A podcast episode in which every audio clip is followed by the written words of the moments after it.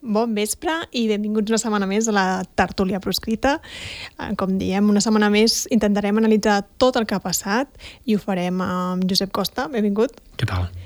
Eh, aquesta setmana havia de tornar el Benedante al plató, diguéssim, però se'ns ha posat mal a l'últim moment i llavors hem buscat un substitut així ràpidament i al final el director de VilaWeb, Vicent Bartal, li ha tocat venir a fer tertúlia amb nosaltres. Un xe per un altre xe. Eh? Els, el xe valencià i el xe argentí no és el mateix, però procuraré no desentonar. Perfecte. Doncs com que tenim feina, si us sembla bé, comencem amb la tertúlia.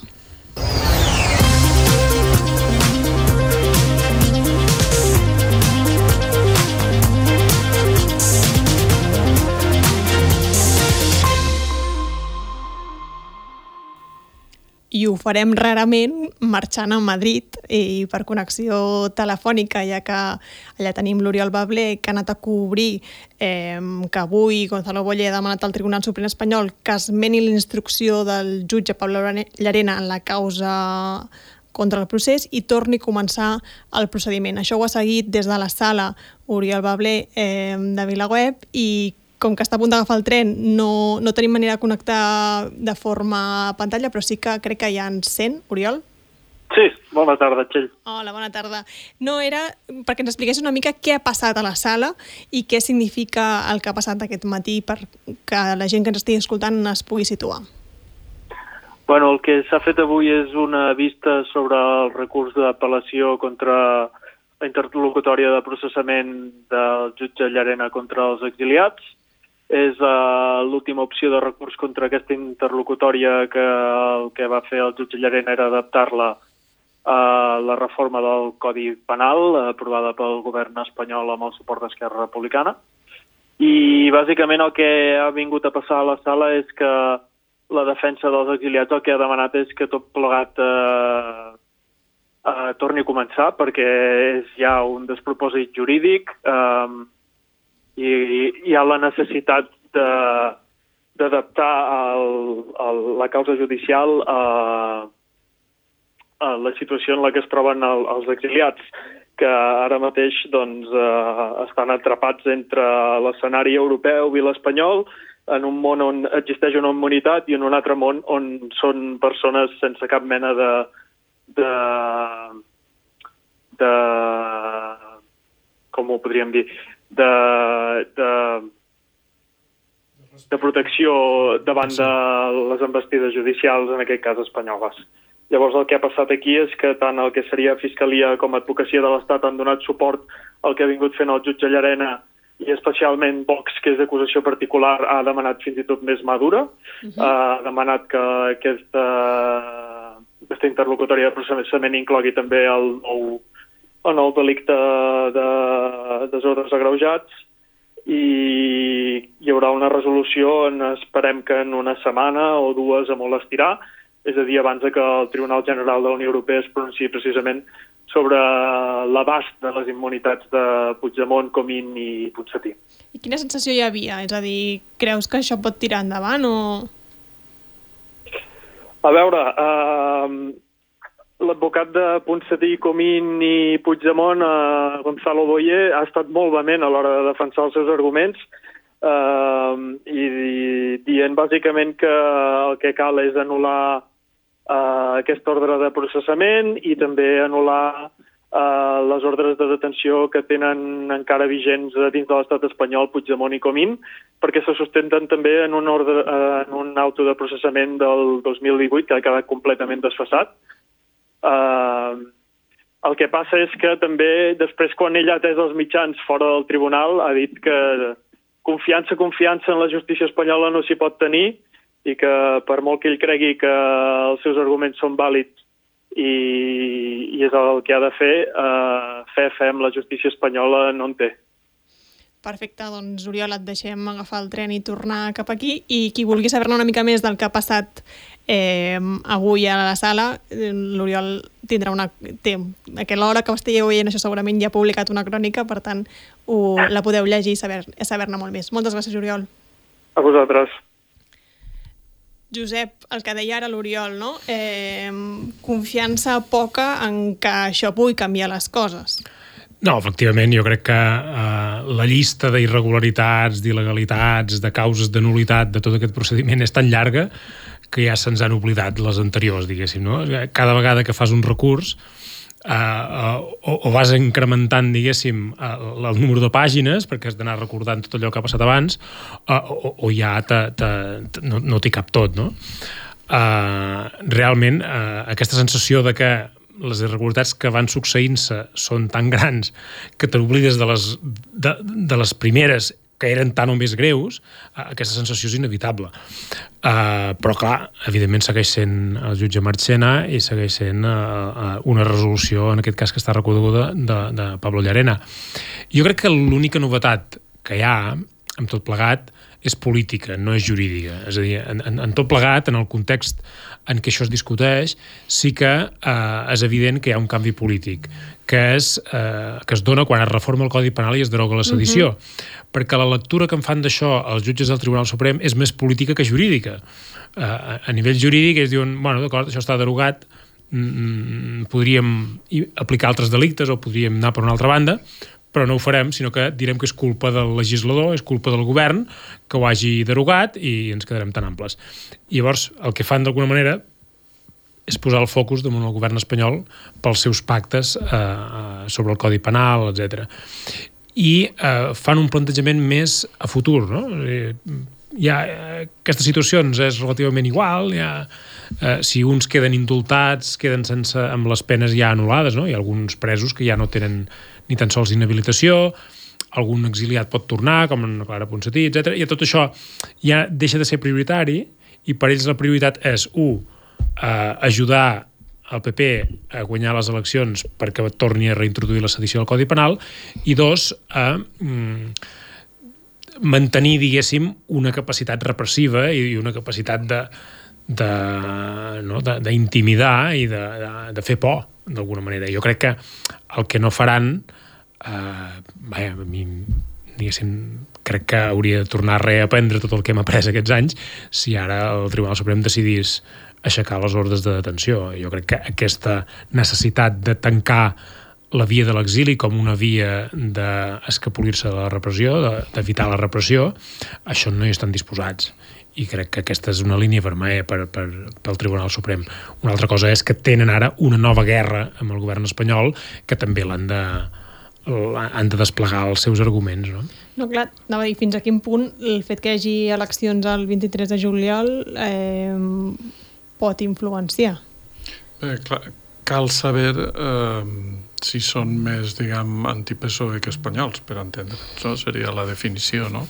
És a dir, eh, jo crec que un poc els rumors i, i aquesta cosa tan madrilenya, conspirativa, eh, el que apuntaven les últimes hores era una possibilitat, no sé, Josep, tu que en saps més que jo de tot això, que seria de, efectivament dir la reforma del Codi Penal ens impedeix perseguir com estaven perseguint a, als exiliats i, per tant, mm, davant la previsió de que hi ha la possibilitat, que no sabem si passarà o no, de que el 5 de juliol eh, el Tribunal de la Unió Europea fos molt clar respecte a, a les ordres nacionals també. Nosaltres retirem les ordres nacionals per, perquè no ens derroten a Brussel·les, a Luxemburg. Um, D'aquesta manera Espanya no, no queda derrotada en un escenari en el que previsiblement ho, ser, ho pot ser, o que no sabem si ho pot ser, perquè n'hi ha una possibilitat de que ho siga, i al mateix temps reconduïm tota l'artilleria de la campanya electoral contra Pedro Sánchez, no? És a dir, si, Mm, si el president Puigdemont tornés en plena campanya electoral, per dir per dir-ho d'alguna manera, doncs Pedro Sánchez mm, ja, ja la té perduda, però encara la perd més, no? Mm. Clar, avui, just, just avui, per exemple, eh, que és un càlcul és, dir, és, és afinar molt quin dia ho traus, just avui han tret eh, el tema de la revisió de condenes eh, del, de la llei del només sí és sí, no? Mm. Uh, clar, el dia pitjor que es podia esperar uh, per a Podemos, no? Perquè, clar, Podemos avui, quan estem gravant això, és dijous a la vesprada, avui, uh, avui i demà, com a molt tard, ha de prendre decisions sobre si van sumar, sí, si deixaran sumar o no. Fins demà, fins les 10, poden votar els militants. Va. I justet avui, eh, vaig a casualitat, apareix aquesta eh, actuació del, del Suprem, o diguem, bueno, això mm, tenen raó els jutges, s'ha de baixar la condena als que tal i qual, i no sé què, no? Clar, eh, si fórem un país, eh, si vivírem en un país en un estat normal en el qual la justícia regeix només per, eh, mm. per, per la, la llei, doncs, bueno, però clar, hem vist tantes coses ja mm. eh, que no ho sé. El que em preocupa també és crear massa expectatives a la gent, no? És l'altra cara de la moneda, no? Mm. I, eh... això, això és una pregunta. Estem fent volar masses coloms conforme eh, Puigdemont pot tornar?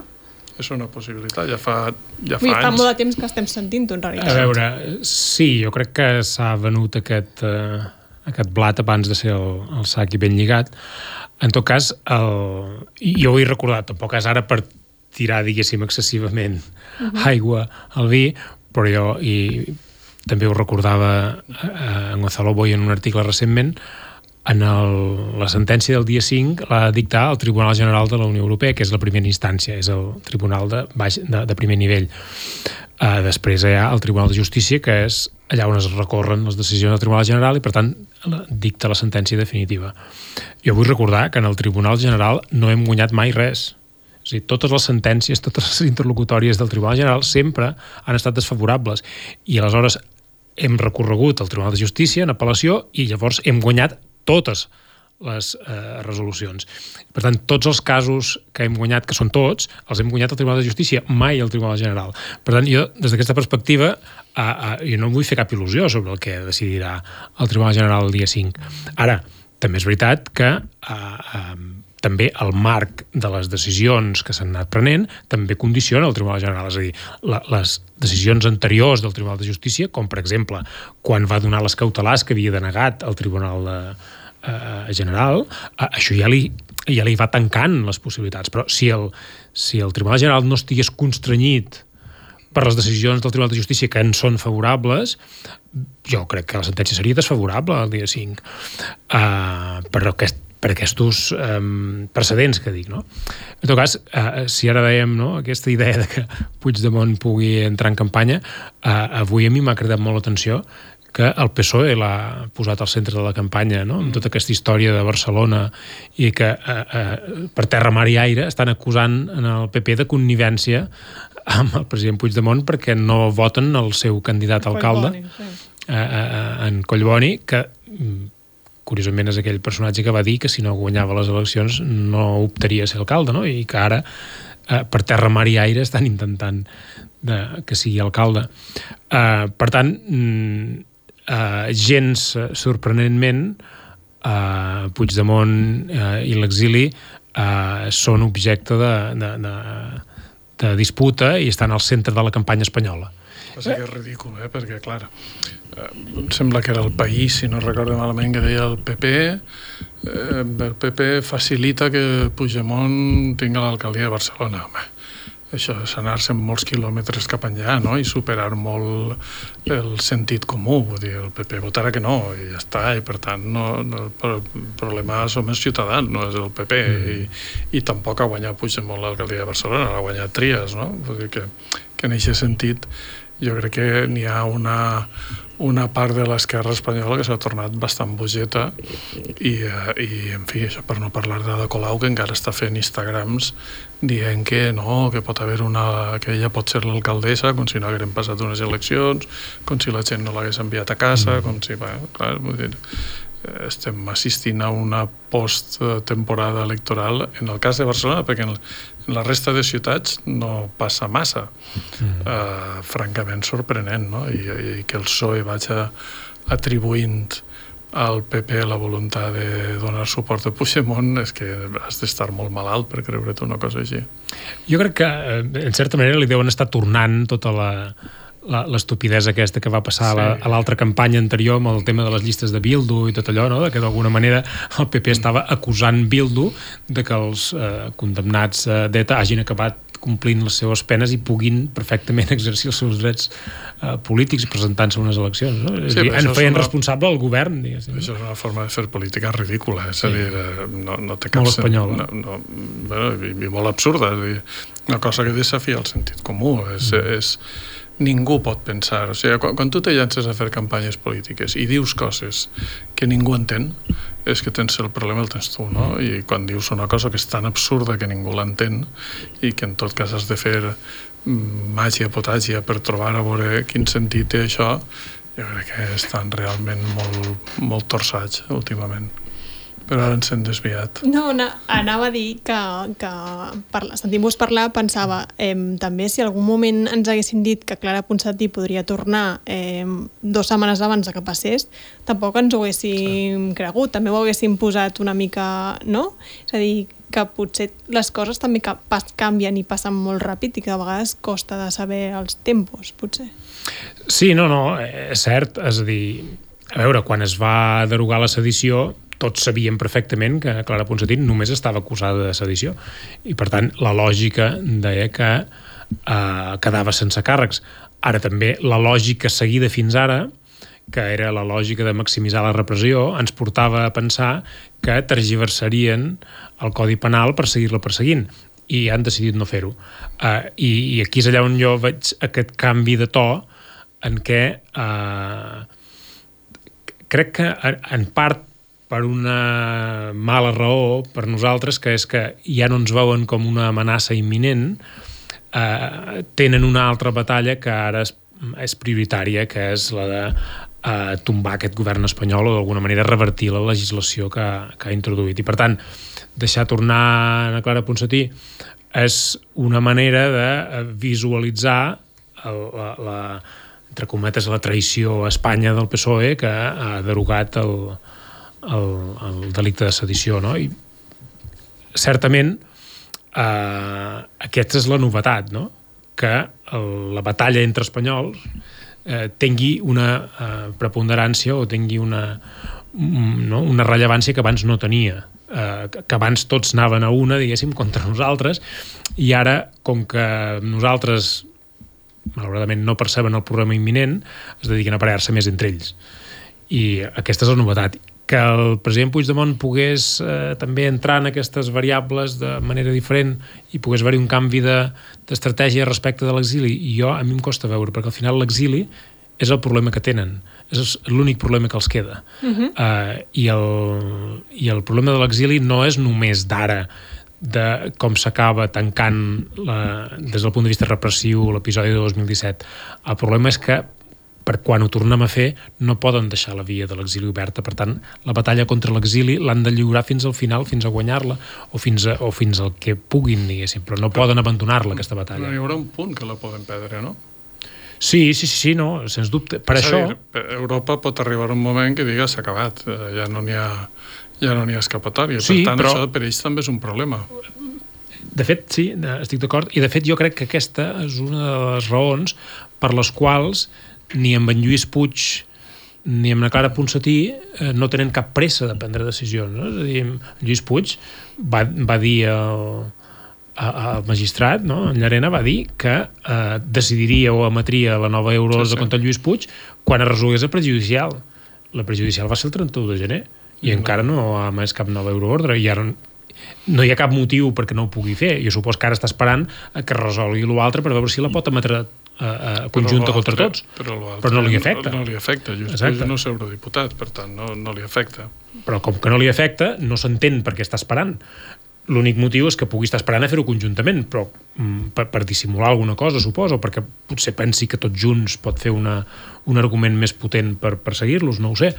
En tot cas, eh, eh, també tenim el cas de la Clara Ponsatí, que se li ha posat de manifest que té immunitat, s'ha fet aquest procediment davant el Parlament Europeu uh, uh, i el, no, el, el jutge Llarena en comptes d'emetre una nova euro de detenció, està allà esperant-se a veure què diu el fiscal, a veure què diu l'advocacia i, i, i a veure què diu el Parlament Europeu, perquè eh, sembla ser que, que el, el procediment de, d'immunitat de Clara Ponsatí real de la seva detenció, ara el volen fer anar ràpid, diguéssim, no? El volen, el volen resoldre ràpidament i potser té esperances de que es resolgui aviat per, per poder prendre una decisió. Mm. Uh, perquè potser no s'atreveix a resoldre sense que el Parlament s'hagi pronunciat. En qualsevol cas, per això que comentàvem de eh, si crear moltes esperances o deixar-les de crear, el que sí que està clar és que vist amb una certa perspectiva de 5 anys, de 6 anys ja, bé, uh, és evident que aquesta és la pedra a la sabata, l'exili és la pedra a la sabata.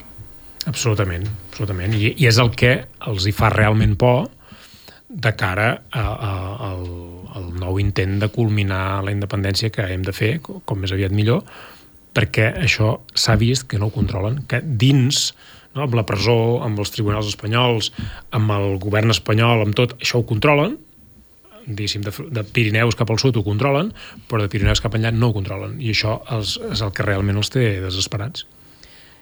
Parlant una mica com la justícia eh, pot afectar en les eleccions, eh, canvio, diguéssim, de, de territori de, dels països catalans, volia parlar del País Valencià perquè també aquesta setmana hem vist algo, una cosa similar, no? Eh, Mònica Oltra tornava a ser al centre de la política valenciana, no perquè ella hagi fet cap declaració, eh, ni, ni perquè ella es manté en silenci, aquest silenci que porta més d'11 mesos d'ençà que, que va dimitir, ni només l'ha trencat amb una entrevista a la Sexta, que recordar. Per tant, ella continua amb aquest silenci, però aquesta setmana eh, tothom la reivindica, tothom en parla, eh, després de mesos sense ni anomenar-la, les eleccions quasi bé ningú la va anomenar, per no dir ningú, i ara porta una setmana que tothom la reivindica, que tothom l'anomena. La, Abans d'ahir es va aixecar el secret de sumari de la peça que investigava les comunicacions d'Oltra i els membres del seu gabinet per determinar si tenien coneixement eh, del cas eh, en relació amb el seu exmarit i amb uns abusos sexuals abans de la decisió de la Fiscalia i s'ha provat que ells no van ocultar res i que allò que li aquells indicis que, que l'extrema dreta deia que ella havia borrat uns correus, etc, la policia no ha trobat res al respecte. No?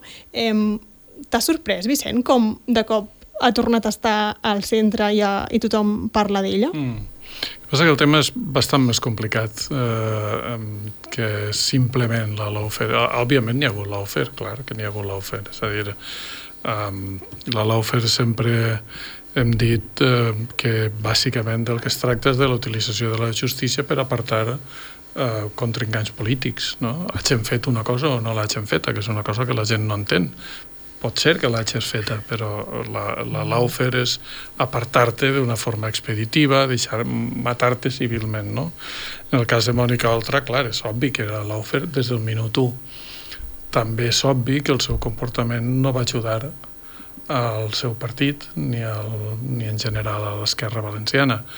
Uh, jo crec que ara d'alguna manera s'han juntat a partir d'això diverses coses. Una, la ràbia uh, per la lawfare, um, que sempre està bé repetir um, que més val que te n'adones ara de que han fet lawfare amb tu quan tu abans uh, has fet uh, declaracions insostenibles. Uh, de recordar que Mònica Oltra en el seu moment va fer unes declaracions aberrants i vergonyoses parlant de les mariscades que es feia el president Puigdemont a Bèlgica. Per tant, eh, ara que t'ha tocat a tu, pot ser que facis una mica d'autocrítica i, i recordes el mal que vas fer tu també en el seu moment, no? Però després jo crec que hi ha dos factors que s'han juntat. Un, el fracàs de compromís. Compromís ha perdut clarament molt de suport per les seues polítiques o per la manca de les seues polítiques. És un cas molt semblant al que passa amb els partits independentistes al Principat. Molts nacionalistes valencians no entenen el que està fent compromís, per exemple, en l'àmbit de l'escola, no haver rebaixat la barrera del 5%, el requisit lingüístic, l'Institut Llull, la reciprocitat de televisió, no ha fet res. I, i per tant s'han abstingut, s'han quedat en casa també en una xifra eh, bastant notable i Compromís ha perdut uh, un nombre important de diputats, un nombre important de vots, no? Uh, I a sobre s'ha trobat, com tots, amb que en un mes mm, és igual, en cinc setmanes, en set, tens unes altres eleccions i no saps com anar, no? enmig del desconcert, eh, doncs s'han volgut sumar a això de sumar, això els ha provocat moltes crítiques del sector més nacionalista del partit i enmig de tot aquest embolic eh, també la meva sensació és que Podemos, que ja veurem si acaben en tant sumar o no acaben en tant sumar, però que va remenant la cua a veure si té una possibilitat de fer alguna cosa eh, al marge de sumar, doncs s'ha destapat una mica la carta de ai, podríem fer una cosa que la Mònica Oltra anés allà al davant i, i tots anem al darrere, però dissimulant que això no és sumar tampoc, sinó que és una cosa específica, especial, per reivindicar a una dona que ha estat apartada injustament de la política per una maniobra bruta eh, de l'extrema dreta i de la dreta judicial. No? Per tant, és bastant, bastant, bastant més complicat. Ara, a mi hi ha una cosa que m'interessa molt i, i el Costa pot ser pot aclarir-me també això una mica, que és com tot això va dibuixant aquesta cosa que el Consell d'Europa s'hi ha referit a vegades amb Turquia i Rússia, no? de, de usar la justícia per a eliminar la dissidència. No? Estos dies estem veient que el, el Charlie ha quedat eh, sense més i a més amb una sentència dient però què caram fan aquí, no? El Carles de Sants. Eh, perdó, el Carles de Sants, sí. Eh, N'hi ha hagut dos o tres casos més també aquesta setmana de causes que en el seu moment van alçar una gran polseguera i que han quedat en no res. Eh, en portem un grapat ja des de, jo què sé, des de la Tamara Carrasco eh, cap aquí, gent que en un moment determinat l'agafen, fan un gran muntatge mediàtic, la fan servir per espantar a la gent, fins i tot la posen en presó Uh, I després resulta que aquí no n'hi no ha res. No? Um, clar, això, quan és una pauta, i quan a més a més ja no només és una pauta contra un goi, uh, sinó que és una pauta generalitzada, que pot aplicar-se a gent que no és independentista també, com seria el cas de la Mònica Oltra, home, mm, això està dibuixant un panorama mm, molt semblant a lo que el mm. Tribunal Europeu de Drets Humans, en aquest cas, ha criticat sempre de, que es fa habitualment a Turquia o que es fa a Rússia. Sí, no, uh, jo crec que això que, que, que ara esmentaves és molt rellevant i potser també nosaltres encara no hem fet el canvi de xip de uh, adonar-nos de fins a quin punt uh, totes les causes de repressió que hem denunciat i que d'alguna manera no? n'hem fet bandera de la, del gran número de represaliats que tenim, de la gent que està perseguida per, per, per tot tipus de motius, que, que, que el, el més normal és que totes aquestes causes, eh, no totes, però una majoria estiguin acabant en res. No? I, ah. i, i que eh, el, els 11 de delegació de Lleida absolts, no sé què, és a dir, hi ha tal quantitat d'absolucions de, de gent que ha estat fins i tot a la presó eh, que, que posa els pèls de punta. Ara, per contrast, tenim també en Dani Gallardo, que ja li han sí. confirmat la sentència per entrar a la presó.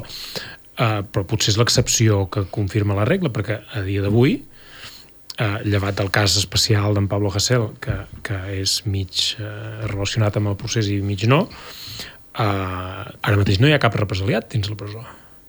I nosaltres tenim la sensació de que hi ha centenars de persones en cua per entrar a la presó i no hi està entrant ningú i estan començant a sortir constantment sentències absolutòries.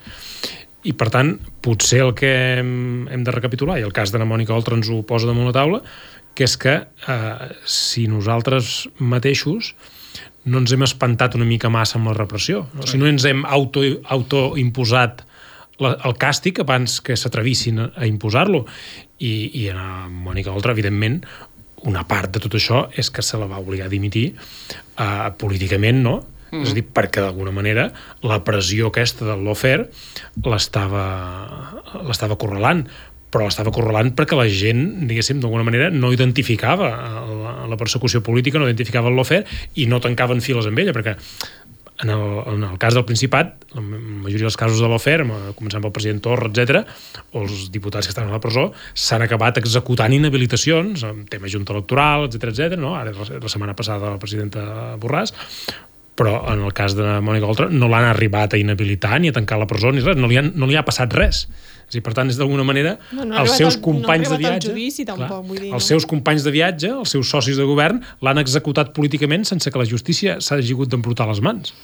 Bueno, han passat coses, també no ho oblidem això, eh? han passat coses extrajudicials, com per exemple tindre una brigada d'extrema dreta a la porta de sa casa a altes hores de la nit eh, cridant contra ella i provocant incidents. Vull dir que, mm -hmm. que en aquest cas la, la pressió de, de l'Estat s'ha exercit no a través de la no a través de, de, la, de la brigada judicial, sí. sinó a través de la brigada de la porra, no? Però, però vaja, mm. vull dir que sí que han passat coses, però, però, no, també, però no judicials, efectivament. Els socialistes la van fer dimitir, diguéssim. Ah, no, Ximo no, clar, Puig clar, la va fer, clar. la va fer clar, dimitir. Clar, clar, clar, clar.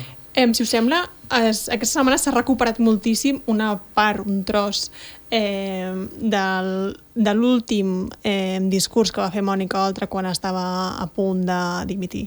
Si us sembla, l'escoltem perquè crec que ara també agafa rellevància. Que ningú se pregunte d'ací 20 anys, i no d'ací 20 anys, d'ací 20 mesos, què collons va passar en este país? Perquè este país té un problema. Quan absol corruptes, quan M. Rajoy no és un indici i s'encausen innocents i passen Vicky Rosells i Alberto Rodríguez i les niñeras i este país és un problema quan no mos defensem de l'extrema dreta.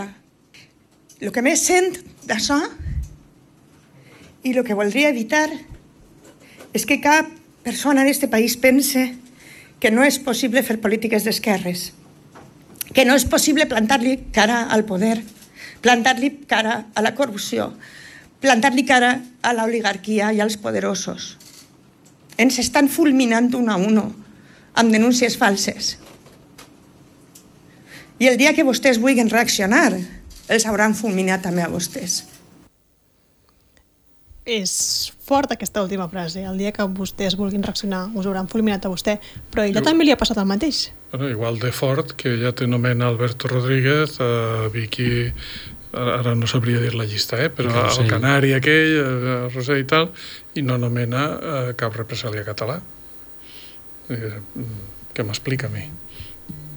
Pot, potser sí, quan sents això mm, et dius, ostres, no ets la primera víctima de tot això, no? Oh, I, I el teu espai polític no és el primer que ha estat víctima de la, de la dissidència. I, I en aquest cas, perdó, Compromís s'ha posat de, de, que és un dels problemes que ha tingut i una de les raons per les que ha perdut vot, Compromís s'ha posat absolutament de costat i intentant fer veure que no anava amb ells quan hi ha hagut tota la repressió política contra l'independentisme català. Dir, jo, jo estic 100% d'acord en que ella patir la lawfare, té tota la meva solidaritat i tot, però si hem de fer llàgrimes, eh, algunes llàgrimes se les podria mm. estalviar mm. si en el seu moment haguera fet el que tenia que fer i no el que va fer. De fet, una, una, una de les claus, jo supos que, que tots en som conscients, és que potser Compromís es pot posar de perfil i potser la Mònica Oltra pot marcar totes les distàncies que vulgui amb l'independentisme català, però l'extrema dreta no fa, no fa diferències. Ah. I és a dir, i la Mònica Oltra és un enemic de l'extrema dreta per catalanista. Dir, I per ser, eh, eh, diguéssim, la, la, el cap visible en aquell moment del partit eh, més representatiu del nacionalisme del País Valencià. I per tant, eh, també ens hem de fer mirar nosaltres, tots plegats, que l'extrema dreta i, i, i, el, i, la, l'anticatalanisme té més presents i té més consciència de la unitat dels països catalans que a vegades nosaltres mateixos. Aquesta setmana estava llegint un llibre que lamento ara no recordar ni el títol, eh? però que explica l'origen de l'expressió rojo separatista.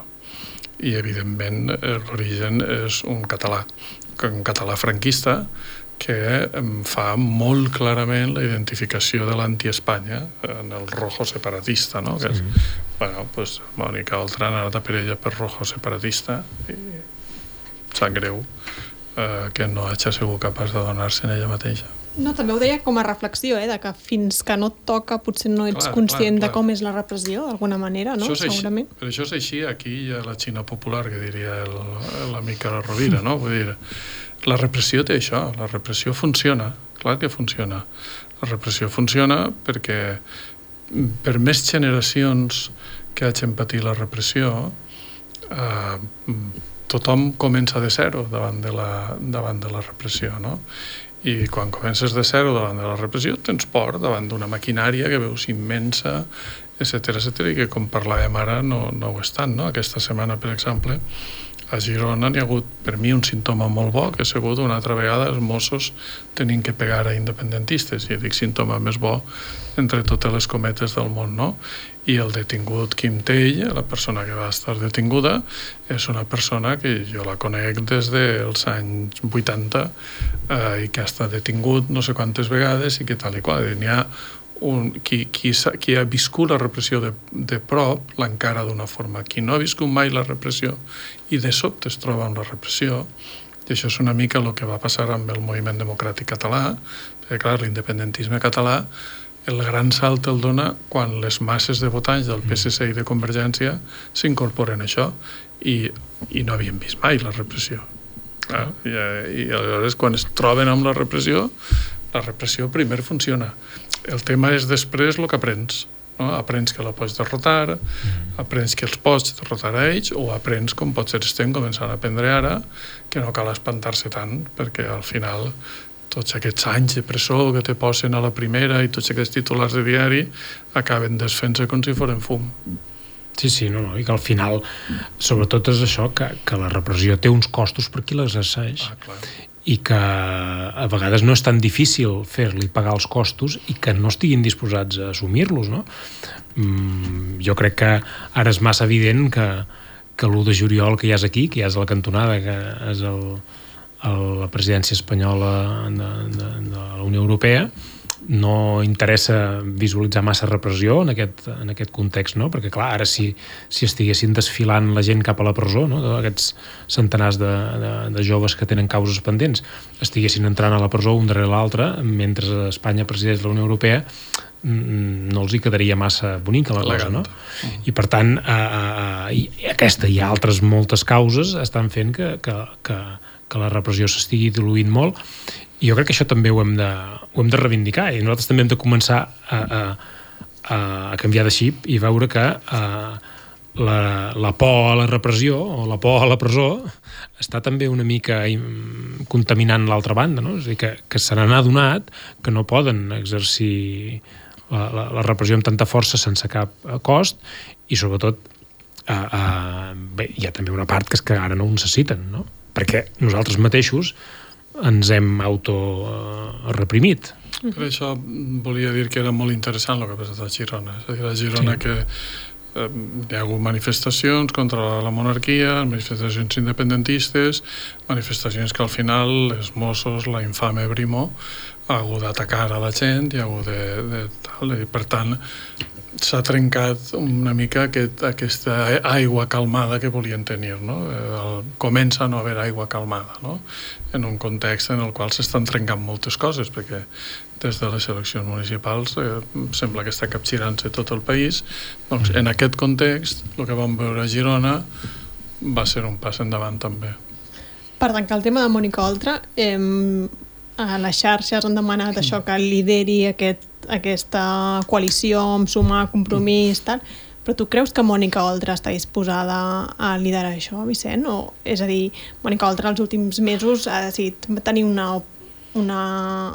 Jo és a dir, no, no entrar en política. Sí, jo no, no ho sé, no tinc respostes a això. Jo crec que en tot cas és ella qui hauria de decidir-ho i només ella.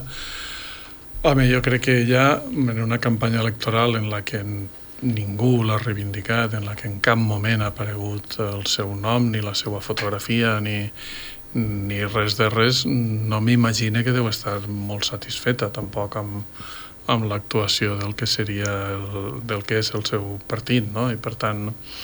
Però vaja, eh, això de les espanyoles aquestes va ser molt divertit. Jo crec que no...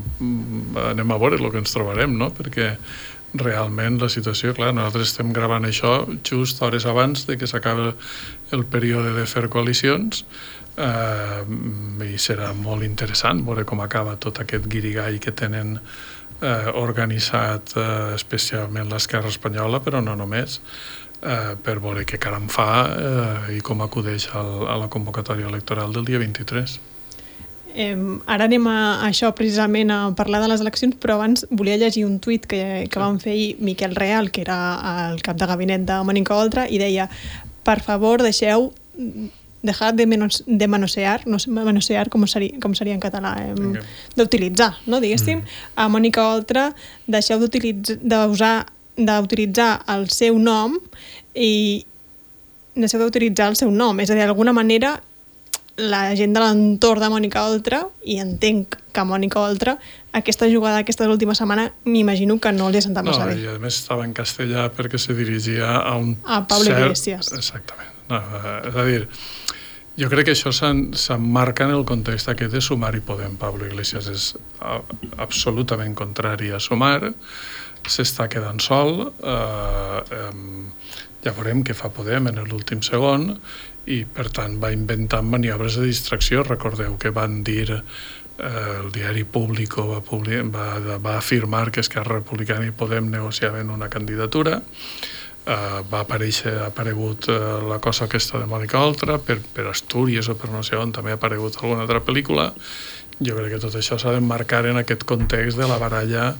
eh, de l'esquerra espanyola, que si habitualment parlem de les baralles del moviment independentista, ho saps ma vida que l'esquerra espanyola també eh, s'hi posa de valent.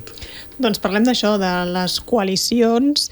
Eh, una de les coalicions que està penjant d'un fil seria aquesta de sumar amb Podemos, amb Compromís, amb Més, Mallorca, Més Menorca, és a dir, tot això demà s'ha de saber alguna cosa perquè és l'últim dia de, de poder arribar, però l'altra coalició que havia sonat i que ja vau prediure tu, Josep i l'Albano, que no passaria res, és la independentista, diguéssim. Va sortir un dia junts dient-ho, però ha quedat en res. Sí, no, jo crec que, eh, ara com deia Vicent, la unitat de l'esquerra espanyola i la unitat de l'independentisme, diguéssim, sembla que van per carrils una mica paral·lels. Eh, en tot cas, la unitat de l'esquerra espanyola té més galons amb això, eh? té més currículum i més història, perquè és eh, un fetitxe una mica eh, que sempre surt eh, en, en aquestes circumstàncies de, de quan van mal dades, eh? quan, quan estan governant i quan els hi van les coses una mica de cara no, no, no els hi preocupa la unitat, només és quan, quan acaben enfonsant tot el seu projecte que després se n'adonen, ostres, què hem fet? El... Jo crec que ja la setmana passada ja ho vàrem comentar una mica, no? que, que totes, totes aquestes maniobres de, desesperades de, dels partits eh, independentistes, alguns més que d'altres, per camuflar la pèrdua de vots, no? I, i, i aquesta eh, compareixença que va fer el president autonòmic per dir eh, aquí farem un front democràtic, farem, alguna, farem alguna cosa, no? O sigui, la idea era ens hem fotut una castanya de mil dimonis, però farem alguna cosa. I ja tots sabíem que això no tenia recorregut. Jo fins i tot em va sorprendre que, que eh, eh, en, en Jordi Turull es prestàs a fer-se la foto amb Marta Rovira per, per d'alguna manera donar certa, certa credibilitat en aquests moviments i algun articulista ben alineat amb, amb, amb, Esquerra, inclús defensant la, aquesta coalició al Senat, que deien que es podia fer només al Senat. Avui ja hem sabut que el, Esquerra ha fet una coalició al Senat, no amb els altres independentistes eh, catalans, sinó amb, amb Bildu, no? amb, amb BH Bildu, que a la pràctica no serveix per res, excepte per descartar qualsevol altra coalició. És a dir, és la manera de tancar la porta a la coalició d'independentistes aquí al Principat. També és veritat que eh, si no hi ha estratègia compartida i no hi ha eh, voluntat de fer res conjuntament, ja va bé que no, que no es facin maniobres de distracció o maniobres d'imatge. Eh, el Senat no serveix per res, i fer una coalició al Senat no serveix per res. Um, potser fins i tot es suposaria perdre senadors, perquè ara jo crec que els partits independentistes a, a, a Lleida i a Girona, si no m'equivoc, tenen els quatre senadors. I si fan una coalició no podran treure els quatre senadors. Per tant, seria a, a Lleida i Girona, per exemple, fer coalició independentista seria perdre un senador mm, per, eh, per, per cada una de les demarcacions. Per tant, mm, bé, no sé o- on volien arribar a anar a parar amb això, jo crec que distreure la gent eh, eh, que eh, ha vist la gran davallada que ha tingut sobretot Esquerra Republicana, però que tots els altres partits també eh, almenys per no haver-se beneficiat d'aquesta davallada són partíceps de, de, de tot plegat, del, del càstig de, dels electors, i, i ara entram en una altra dinàmica, que són les eleccions espanyoles, en què eh, potser sí que aquesta coalició hauria servit per entretenir la gent i per, i per eh, generar un relat diferent però sembla ser que els partits independentistes no tenen absolutament res nou a dir en aquestes eleccions espanyoles. No, jo crec que tot això forma part d'aquest moment d'estupefacció posterior a les municipals. A les municipals les cúpules dels partits queden desconcertades davant el tancament d'urnes, que és el neologisme aquest que Julià de Jodar ha creat, mm. tancament de caixes, tancament d'urnes, eh, queden molt desconcertats, eh, no, no entenen què està passant, no saben d'on els cauen les bufetades, eh, i una pràctica de manual, de primer de carrera, és fer veure que fas alguna cosa, no? Jo crec que aquí fins i tot de formes contradictòries, no? Perquè, per exemple, Esquerra Republicana han vist discursos en fi, surrealistes d'Oriol Junqueras, de dir aquí no passa res, anem a guanyar, no sé què, com si no hagués passat res. Uh, però també Junts es presta les maniobres. No? És obvi que anar a Brussel·les, anar a Ginebra. Ginebra a parlar amb Marta Rovira vol dir que un, els diaris pròxims a Esquerra l'endemà ho trauran això per emblanquinar Esquerra una mica i per dir no, no, Esquerra està fent, no? Eh, també han corregut eh, històries que jo no sé fins a quin punt són veraces del tot de, de, la que, de, de crisis en el Consell Nacional d'Esquerra o de crítiques, etc etc. no? Junts també té el seu espectacle, mm. tot i que, diguem, la, la manera en què han retirat del mercat a Jaume Giró tan expeditiva, doncs està bé, vull dir, com a mínim vol dir que n'hi ha una part d'això que està bé, no? Però la CUP no sap encara si es presenta o no es presenta. Sí, de fet, jo crec que aquesta és una cosa interessant també, ara que, que ho deies. Uh, la CUP, gens casualment, ha decidit uh, donar a conèixer el resultat de les votacions sobre si es presenten o no es presenten a les eleccions quan ja no es puguin fer coalicions. És a dir, jo crec que aquest calendari de gens innocent han decidit uh, uh, han decidit decidir si anaven a les eleccions o no quan ja no hi ha res a fer, si, eh, si algú eh, no està d'acord, per exemple, el Poble Lliure en el seu moment que va participar en el Front Republicà, eh, eh, els hi barren d'alguna manera el pas de dir, escolta'm, nosaltres decidirem que no ens presentam o que ens presentam quan ja no tingueu alternativa. Uh -huh. quan ja no pugueu fer una altra cosa. Jo crec que això també forma part una mica d'aquesta cerimònia de El que és trist de, és de que desori. no reaccionen a la gent, no? No reaccionen el missatge claríssim que la gent va enviar en les eleccions municipals, mm. no? Uh, que veus que segueixen la seva dinàmica, que segueixen uh, les seues històries, per no parlar dels pactes mm. municipals, no? On, uh, n'hi ha pactes de tots els colors, excepte, diguem, el que hauria de ser el pacte real, no? Estan mm. pactant tothom en tots els partits. M'ha arribat a veure, uh, avui mirava, per exemple, Junts, n'hi ha hagut una població on ha pactat amb el PP i una altra on ha pactat amb els comuns fi, ja la cosa ja és eh, estupenda, no? El que és trist i segurament requerirà vol dir que requereix més cops sobre la taula per part del, dels votants és que mm, estiguen com si no haguera passat res, com si mm, la bofetada de fa 15 dies no, no significarà res per a ells, no? I això, a part de ser una mostra de una manca de respecte a la ciutadania, perquè en un país normal haguera dimitit gent. Eh?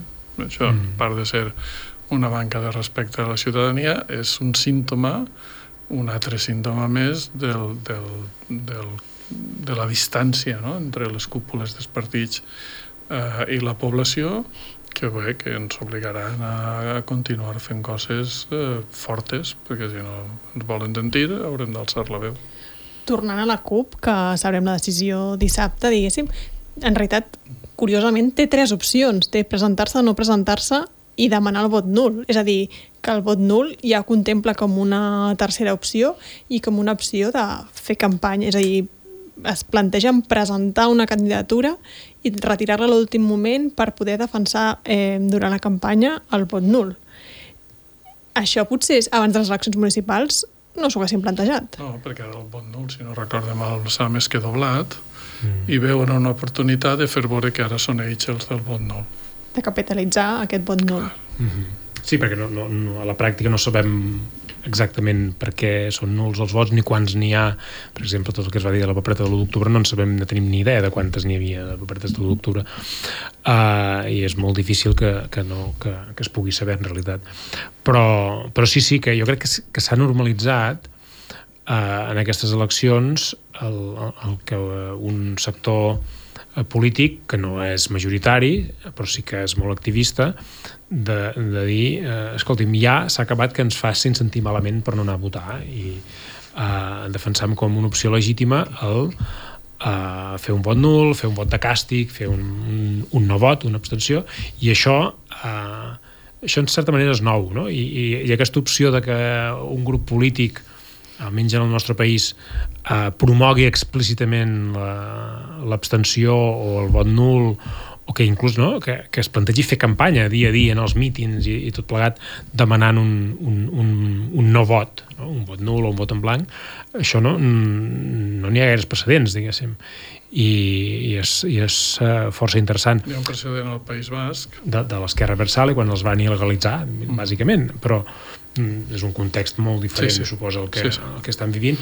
El que, el que jo crec que també hi ha, i és l'altra part que també veurem el dia, el dia 23 de juliol, és eh, tot aquell vot que eh, ara podran fer focs d'encenalls i el que vulguin, però que durant quatre anys han estat regalant-li en el PSOE a canvi de res, que potser es troben que el 23 de juliol se'n va al PSOE directament sense intermediaris. I aquest és el problema que ara tenen un candidat com en Rufián que és que quan ell ara surt dient que pujarà el preu dels seus vots està suggerint que aquella gent que l'havia votat fins ara perquè els seus vots eren gratis potser que s'ho repensi. No sé, eh, potser ell mateix s'ha posat la soga al coll perquè ha donat confiança en els electors però PSOE, que el podien votar ell i que ell seria un aliat fiable,